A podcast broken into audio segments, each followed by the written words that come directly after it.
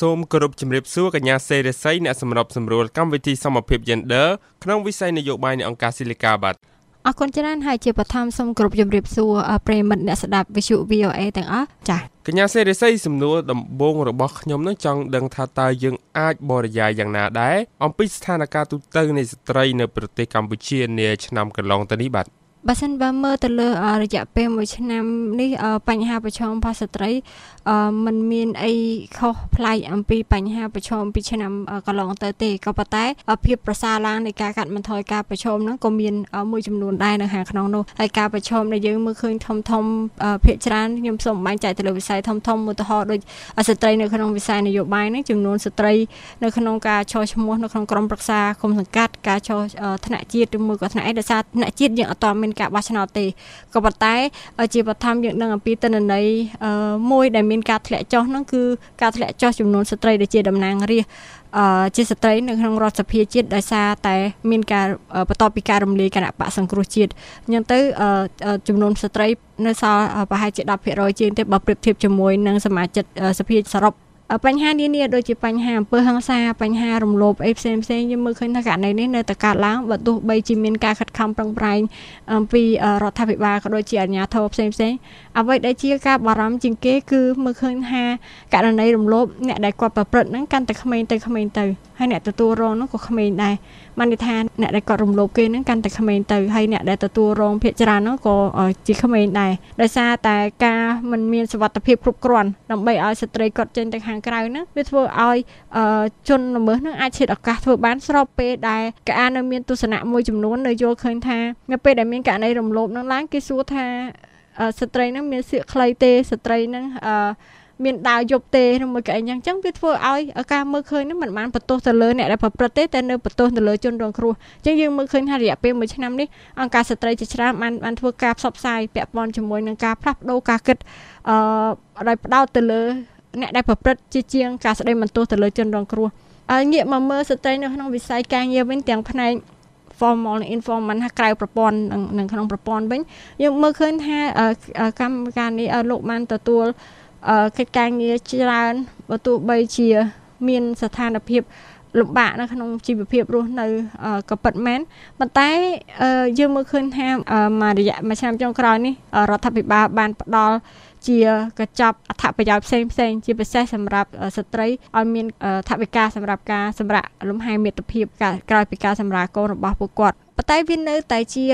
បញ្ហាប្រឈមដែលយើងបានទទួលដឹងពីព័ត៌មានអំពីអង្គការដៃគូដែលគាត់ធ្វើកិច្ចការងារផ្ទាល់ជាមួយនឹងកម្មករដោយសារតែ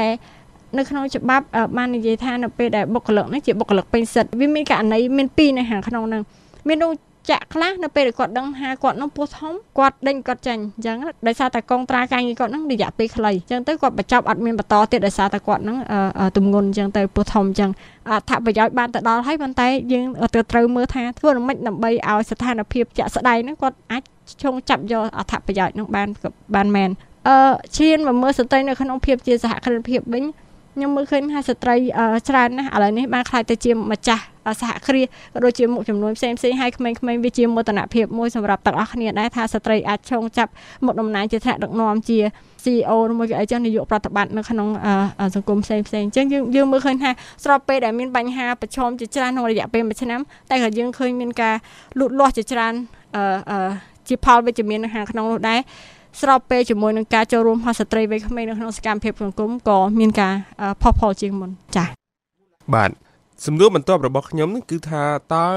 ដោយសារគេអង្កេតឃើញថាមានការចូលរួមយ៉ាងផុសផុលពីសំណាក់ស្ត្រីទាំងក្នុងវិស័យអប់រំសិក្សាធិការវិស័យការងារវិស័យនយោបាយនិងសេដ្ឋកិច្ចជាដើមបើតាមការអង្កេតរបស់កញ្ញាតើអ្វីទៅជាកត្តាដែលជំរុញឲ្យមានការចូលរួមច្រើនយ៉ាងដូចនេះបាទចា៎ យើងមើលឃើញការចូលរួមសកម្មកន្លងទៅនេះវាមានរឿងហេតុផលប្រមាណដែរពាក់ព័ន្ធជាមួយនឹងលទ្ធភាពក្នុងការទទួលបានព័ត៌មានរបស់ស្ត្រីវ័យក្មេងមានចំនួនច្រើនដោយសារតាមរយៈប្រព័ន្ធបណ្ដាញសង្គមក៏ដូចជាទូរទស្សន៍ក៏ដូចជាកម្មវិធីវិទ្យុផ្សេងផ្សេងអញ្ចឹងទៅធ្វើឲ្យគាត់នឹងកាន់តែយល់ដឹងអំពីទុននីតិនិងសិទ្ធិរបស់គាត់ក្នុងការចូលរួមចំណែកក្នុងការអភិវឌ្ឍសង្គម ហើយនឹងឱកាសដែលគាត់ទទួលបានពីព្រោះអីអង្គការក៏ដូចជារដ្ឋបាលខ្ញុំមើលឃើញចំនួនអ្នកដែលគាត់ចូលជាមន្ត្រីរាជការនៅមួយឆ្នាំនេះណា ក្មេងៗច្រើនមែនតើយុវជនតែម្ដងអញ្ចឹងទៅដោយសារតែលទ្ធភាពទទួលបានព័ត៌មានហើយស្របពេលជាមួយនឹងការទទួលបានការជំរុញនិងការបាក់ចិត្តជាងមុនបន្តិចក្នុងការអនុញ្ញាតឲ្យកូនស្រីក្នុងការទទួលបានការសិក្សាមួយដែលមានភាពប្រសើរឡើងជាជាងនៅពេលមុនចា៎អឺគេអង្កេតឃើញថាក្រោយពីការរំលាយគណៈបកសង្គ្រោះជាតិដោយមានការដាក់បញ្ចូលតំណាងរាស្ត្រ55រូបចូលទៅបំពេញចន្លោះនៃអវត្តមានគណៈបកមួយនេះនៅក្នុងរដ្ឋសភា គឺក្នុងចំណោមនេះគេមានឃើញស្ត្រីតែ2រូបទេរីឯក្នុងការបោះឆ្នោតព្រឹទ្ធសភាកន្លងទៅដែលមានកៅអីប្រកួតប្រជែងចំនួន58ហ្នឹងមានតែស្ត្រី5រូបទេដែលបានឈ្នះអាសនៈតើតួលេខនេះវាឆ្លុះបញ្ចាំងយ៉ាងដូចម្ដេចដែរដល់បញ្ហានៃការតំណាងរបស់ស្ត្រីនៅថ្នាក់ជាតិបាទអឺតួលេខនេះបានប្រាប់យើងរឿងមួយដែលសំខាន់គឺយើងចោលប្រាប់ថានៅក្នុងកលៈទេសៈណាក៏ដោយស្ត្រីរងគ្រោះខ្លាំងជាងគេបងអស់ មិនថាវិបត្តិនយោបាយមិនថាសង្គ្រាមមិនថាវិបត្តិសេដ្ឋកិច្ចឬមួយក៏អីដោយសារស្ត្រីគាត់បានរួមចំណែកយ៉ាងច្រើននៅក្នុងអឺការឈរឈ្មោះរួមចំណែកយ៉ាងច្រើននៅក្នុងវិស័យសេដ្ឋកិច្ចរួមចំណែកយ៉ាងច្រើននៅក្នុងការគៀងកជាពិសេសការធ្វើការការងារផ្ទាល់ជាមួយនឹងប្រជាពលរដ្ឋនៅក្នុងថ្នាក់ឃុំជាពិសេសថ្នាក់មូលដ្ឋានអញ្ចឹងដោយសារតែការវិបត្តិនយោបាយមួយនេះធ្វើឲ្យស្ត្រីជាច្រើនបានបាត់បង់ឱកាសរបស់ខ្លួនឯងនៅក្នុងការចូលរួមចំណែកហ្នឹងអញ្ចឹងទៅការបាត់បង់ឱកាសហ្នឹង វាធ្វើឲ្យកិច្ចខិតខំប្រឹងប្រែងទាំងរដ្ឋាភិបាលទាំងសង្គមស៊ីវិលទាំងដៃគូពាក់ព័ន្ធផ្សេងផ្សេងទៀតហ្នឹងហាក់បីដូចជាអឺធាក់ថយក្រោយវិញខ្លាំងមែនតើស្របពេលដែលយើងព្យាយាម រុញវាទៅមុខជាមួយនឹងគោលដៅអភិវឌ្ឍប្រកបដោយចីរភាពនៅឆ្នាំ2030ដែលធានាបានថា50 50ឥឡូវនេះឃើញតែបានតែ10%ជាងនៅក្នុងរដ្ឋសភាជាតិអញ្ចឹងយើងសួរមកខ្លួនឯងមានថាតើយើងត្រូវប្រឹងប្រមាណទៀតដើម្បីឲ្យបាន40%ទៀតដល់ឆ្នាំ2030បើយើងគិតពីឥឡូវនេះទៅ ឆ្នាំនេះឆ្នាំ2018ហើយចាហើយចិត្តគៀកចិត្តបោះឆ្នោតហើយហើយអញ្ចឹងទៅនៅសល់ពេលតែប្រហែលឆ្នាំមិនយូរយើងបោះឆ្នោតបានប្រហែលដងទៀត ញ៉ឹងទៅបើសិនបើគណៈបកនយោបាយទាំងអស់ក្នុងការឈរឈ្មោះសម្រាប់ការបោះឆ្នោតជ្រើសតាំងតំណាងរាស្ត្រឆ្នាំ2018ខិតចិត្តមកដល់នេះមិនដាក់បេក្ខភាពស្ត្រីឲ្យនៅឈរលេខរៀងដែលជាប់ទៅតាមអ្វីដែលការទទូចសុំនឹងសំណូមពរនិងជាអនុសាសន៍ដែលលើកឡើងពីអង្គការសង្គមស៊ីវិលក្នុងការដាក់បេក្ខភាពស្ត្រីនៅក្នុងលេខរៀងដែលឆ្លាស់ឬមួយក៏លេខរៀងដែលនៅផ្នែកខាងលើដែលអាចជាប់បានទេការសម្រេចបាននៅក្នុងគោលដៅអភិវឌ្ឍប្រកបដោយចីរភាពនេះនឹងបរាជ័យដោយដែលអ្វីដែលយើងទទួលជាមេរៀនឲ្យស្រាប់នៅខាងក្នុងគោលដៅអភិវឌ្ឍសហសវត្តកន្លងទៅនេះចឹងទៅយើងសូមខ្ញុំជិតឱកាសនេះទទួលទៅគណៈបកនយោបាយទាំងអស់ដែលប្រុងប្រៀបខ្លួនដែលចូលរួមនៅក្នុងការប្រកួតប្រជែងការបោះឆ្នោតជ្រើសតាំងតំណាងរាស្ត្រឆ្នាំ2018នេះសូមគិតគូរឲ្យមែនទែនក្នុងការដាក់បេក្ខភាពស្ត្រីខ្ញុំមិនជឿថាស្ត្រីមិនមានសមត្ថភាពក្នុងការធ្វើនេះបើសិនជាស្ត្រីមិនមានសមត្ថភាពមិនមែនអ្នកនៅក្នុងឃុំដែលយើងធ្វើការជាមួយដែលយើងបានធ្វើការស្រាវជ្រាវបានឆ្លើយមកវិញថាស្ត្រីធ្វើការមានប្រសិទ្ធភាពមានការឆ្លើយតបទៅនឹងតម្រូវការផលប្រជាពលរដ្ឋជាជាងឃុំដែលអត់មានស្ត្រីអញ្ចឹងទៅវាមិនមែនសម្រាប់តែថ្នាក់ឃុំទេសូម្បីតែថ្នាក់ជាតិក៏ដោយអញ្ចឹងនៅពេលដែលយើងឈានទៅរកលទ្ធិជាធិបតេយ្យពេលយើងឈានទៅរកគោលដៅប្រកបដោយចីរភាពហើយនៅពេលដែលយើងមើលទៅលើគេហៅថា ស៊ីមរបស់គោលដៅវត្តប្រកបដោយចីរភាពដែលនិយាយថានឹងមិនទុកអ្នកណាម្នាក់ចោលអញ្ចឹងបើសិនជាស្ត្រីមិនបានចូលរួមស្មើមុខស្មើមាត់ចំនួននិងគុណភាពនៅក្នុងការឆ្លើយតបនៅក្នុងការធ្វើការគោលនយោបាយក្តាប់ច្បាប់ផ្សេងផ្សេងទៀតសួរថាស្ត្រីប្រមាណអ្នកដែលត្រូវបានទុកចោលច្រើនមិនមែនតែមួយទេ ដោយដែលកញ្ញាបានមានប្រសាសន៍ហើយថាឥឡូវនេះវាមានការចូលរួមយ៉ាងច្រើនអំពីស្ត្រីនៅក្នុងវិស័យនានាខណៈដែលមានការចូលរួមកាន់តែសកម្មនៅក្នុងវិស័យសេដ្ឋកិច្ចនិងការងារពីសំណាក់ស្ត្រីនឹងតើស្ត្រីខ្លួនឯងនឹងមានការរំពឹងទុកអ្វីខ្លះពីសង្គមជាតិនិងសហគមន៍នៅជុំវិញខ្លួនបាទ ភ្ជាប់ជាមួយនឹងការការប្រឈមនេះដែររឿងការជំរុញការចូលរួមរបស់ស្ត្រីទាមទារឲ្យមានការបាក់ចិត្តឲ្យទលាយមែនតែនអំពីសហគមន៍អំពីអ្នកជំនាញខ្លួនរបស់គាត់ហើយអំពីការយល់ឃើញអំពីសារៈសំខាន់របស់ស្ត្រីដរាបណាមិនមានការយល់ឃើញពីប្រសិទ្ធភាពនិងសមិទ្ធផលរបស់ស្ត្រីទេរឿងនេះនៅតែកើតមានហើយឆ្លើយត្រឡប់មកវិញទៀតថាដោយសារតែផ្នែកកំណត់នៃការមើលឃើញថាអ្នកដឹកនាំគេបានជាពិសេសរឿងនយោបាយជារឿងអីហ្នឹងគួរតែប្រុសដោយសារមនុស្សប្រុសខ្លាំងចិត្តដាច់សម្រាប់ខ្ញុំជាយុវជនម្នាក់ក៏ជាសកម្មជនម្នាក់ក៏ជាអ្នកធ្វើការរឿងស្ត្រីម្នាក់ខ្ញុំត្រូវការអ្នកដឹកនាំដែលមានព្រមវិហារធម៌អ្នកដឹកនាំដែលត្រូវការការយល់អំពីការតម្រូវការរបស់ប្រជាពលរដ្ឋហើយរឿងការពិចារណាផ្សេងផ្សេងពាក់ព័ន្ធជាមួយនឹងតម្រូវការខ្ញុំខ្ញុំមើលឃើញថាមិនថាស្ត្រីនិងបុរសយើងត្រូវការចូលរួមឲ្យដូចគ្នាដើម្បីឲ្យការឆ្លើយតបអំពីតម្រូវការនោះវាមានតលយៈភាពមានសមមាត្របើមិនបើយើងឲ្យមានតាមមជ្ឈហៀងច្រើនជាងលើសលប់វាធ្វើឲ្យបាត់បង់សម្លេងអញ្ចឹងទៅវាមានការលំបាកនៅខាងក្នុងនឹងដែរ ចា៎បាទឆ្នាំកន្លងទៅនេះដែរគេអង្កេតឃើញចលនាសកលមួយឈ្មោះថា Me Too ដែលបណ្ដានារីបរោះទូទាំងពិភពលោកបានប្រើប្រាស់បណ្ដាញសង្គមដើម្បីបើកកកាយនៅរឿងរ៉ាវនៃការរំលោភបំពានផ្លូវភេទដែលកើតឡើងចំពោះពួកគាត់តើសម្រាប់កញ្ញាផ្ទាល់យល់ឃើញយ៉ាងដូចម្ដេចដែរចំពោះចលនាសកលមួយនេះបាទ វាជារឿងសំខាន់ពីព្រោះអីវាបានបង្ហាញឲ្យឃើញថាស្ត្រីចាប់ផ្ដើមក្លាហានហ៊ាននិយាយរឿងដែលគេប៉ះពាល់ដល់គាត់ពីព្រោះអីកន្លងមកនៅពេលដែលមានរឿងអំពើហិង្សារឿងការរើសអើងការបៀតបៀន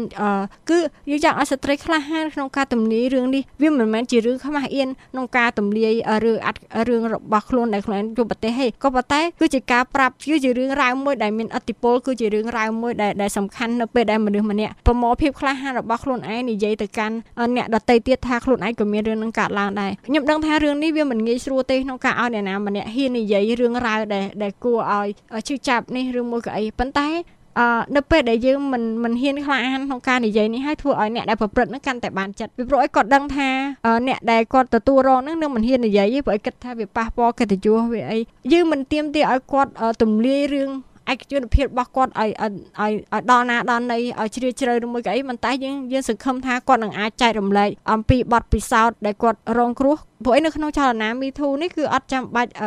យុទ្ធនាការ Me Too នេះគឺអត់ចាំបាច់តតែយើងនឹង បើនិយាយឈ្មោះខ្លួនឯងហ្មងឬមួយក៏អីហ្មងយើងអាចទៅសេជារឿងរ៉ាវរបស់អ្នកណាក៏បានដែលអាចលាក់ឈ្មោះលាក់អីក៏បានដែររឿងទី1វាបានបញ្ជាក់ពិភពលោកថាអ្វីដែលពិភពលោកកំពុងតែអភិវឌ្ឍសេដ្ឋកិច្ចកំពុងតែអភិវឌ្ឍសង្គមកំពុងតែមានអាគារប្រងព្រាតអីទាំងអស់គ្នាហ្នឹងមិនតែស្ត្រីនេះនៅក្នុងអាគារមួយដ៏ល្អស្អាតមួយនោះស្ត្រីនៅតែរងការបៀតបៀនអីផ្សេងផ្សេងនៅឡើយដដែលអញ្ចឹងទៅវាវាជា alert វាជាការដាក់ឲ្យលឺថានេះជាសម្លេងរបស់ស្ត្រីដែលរឿងនឹងមានកាត់ឡើងឬទី2ទៀតយើងចង់ប្រាប់ទៅអ្នកផលប្រព្រឹត្តថាយើងឈប់ស្ងាត់ស្ងៀមហើយយើងនិយាយហើយយើងនឹងបំបាយអាភាពស្ងៀមស្ងាត់នេះហើយអញ្ចឹង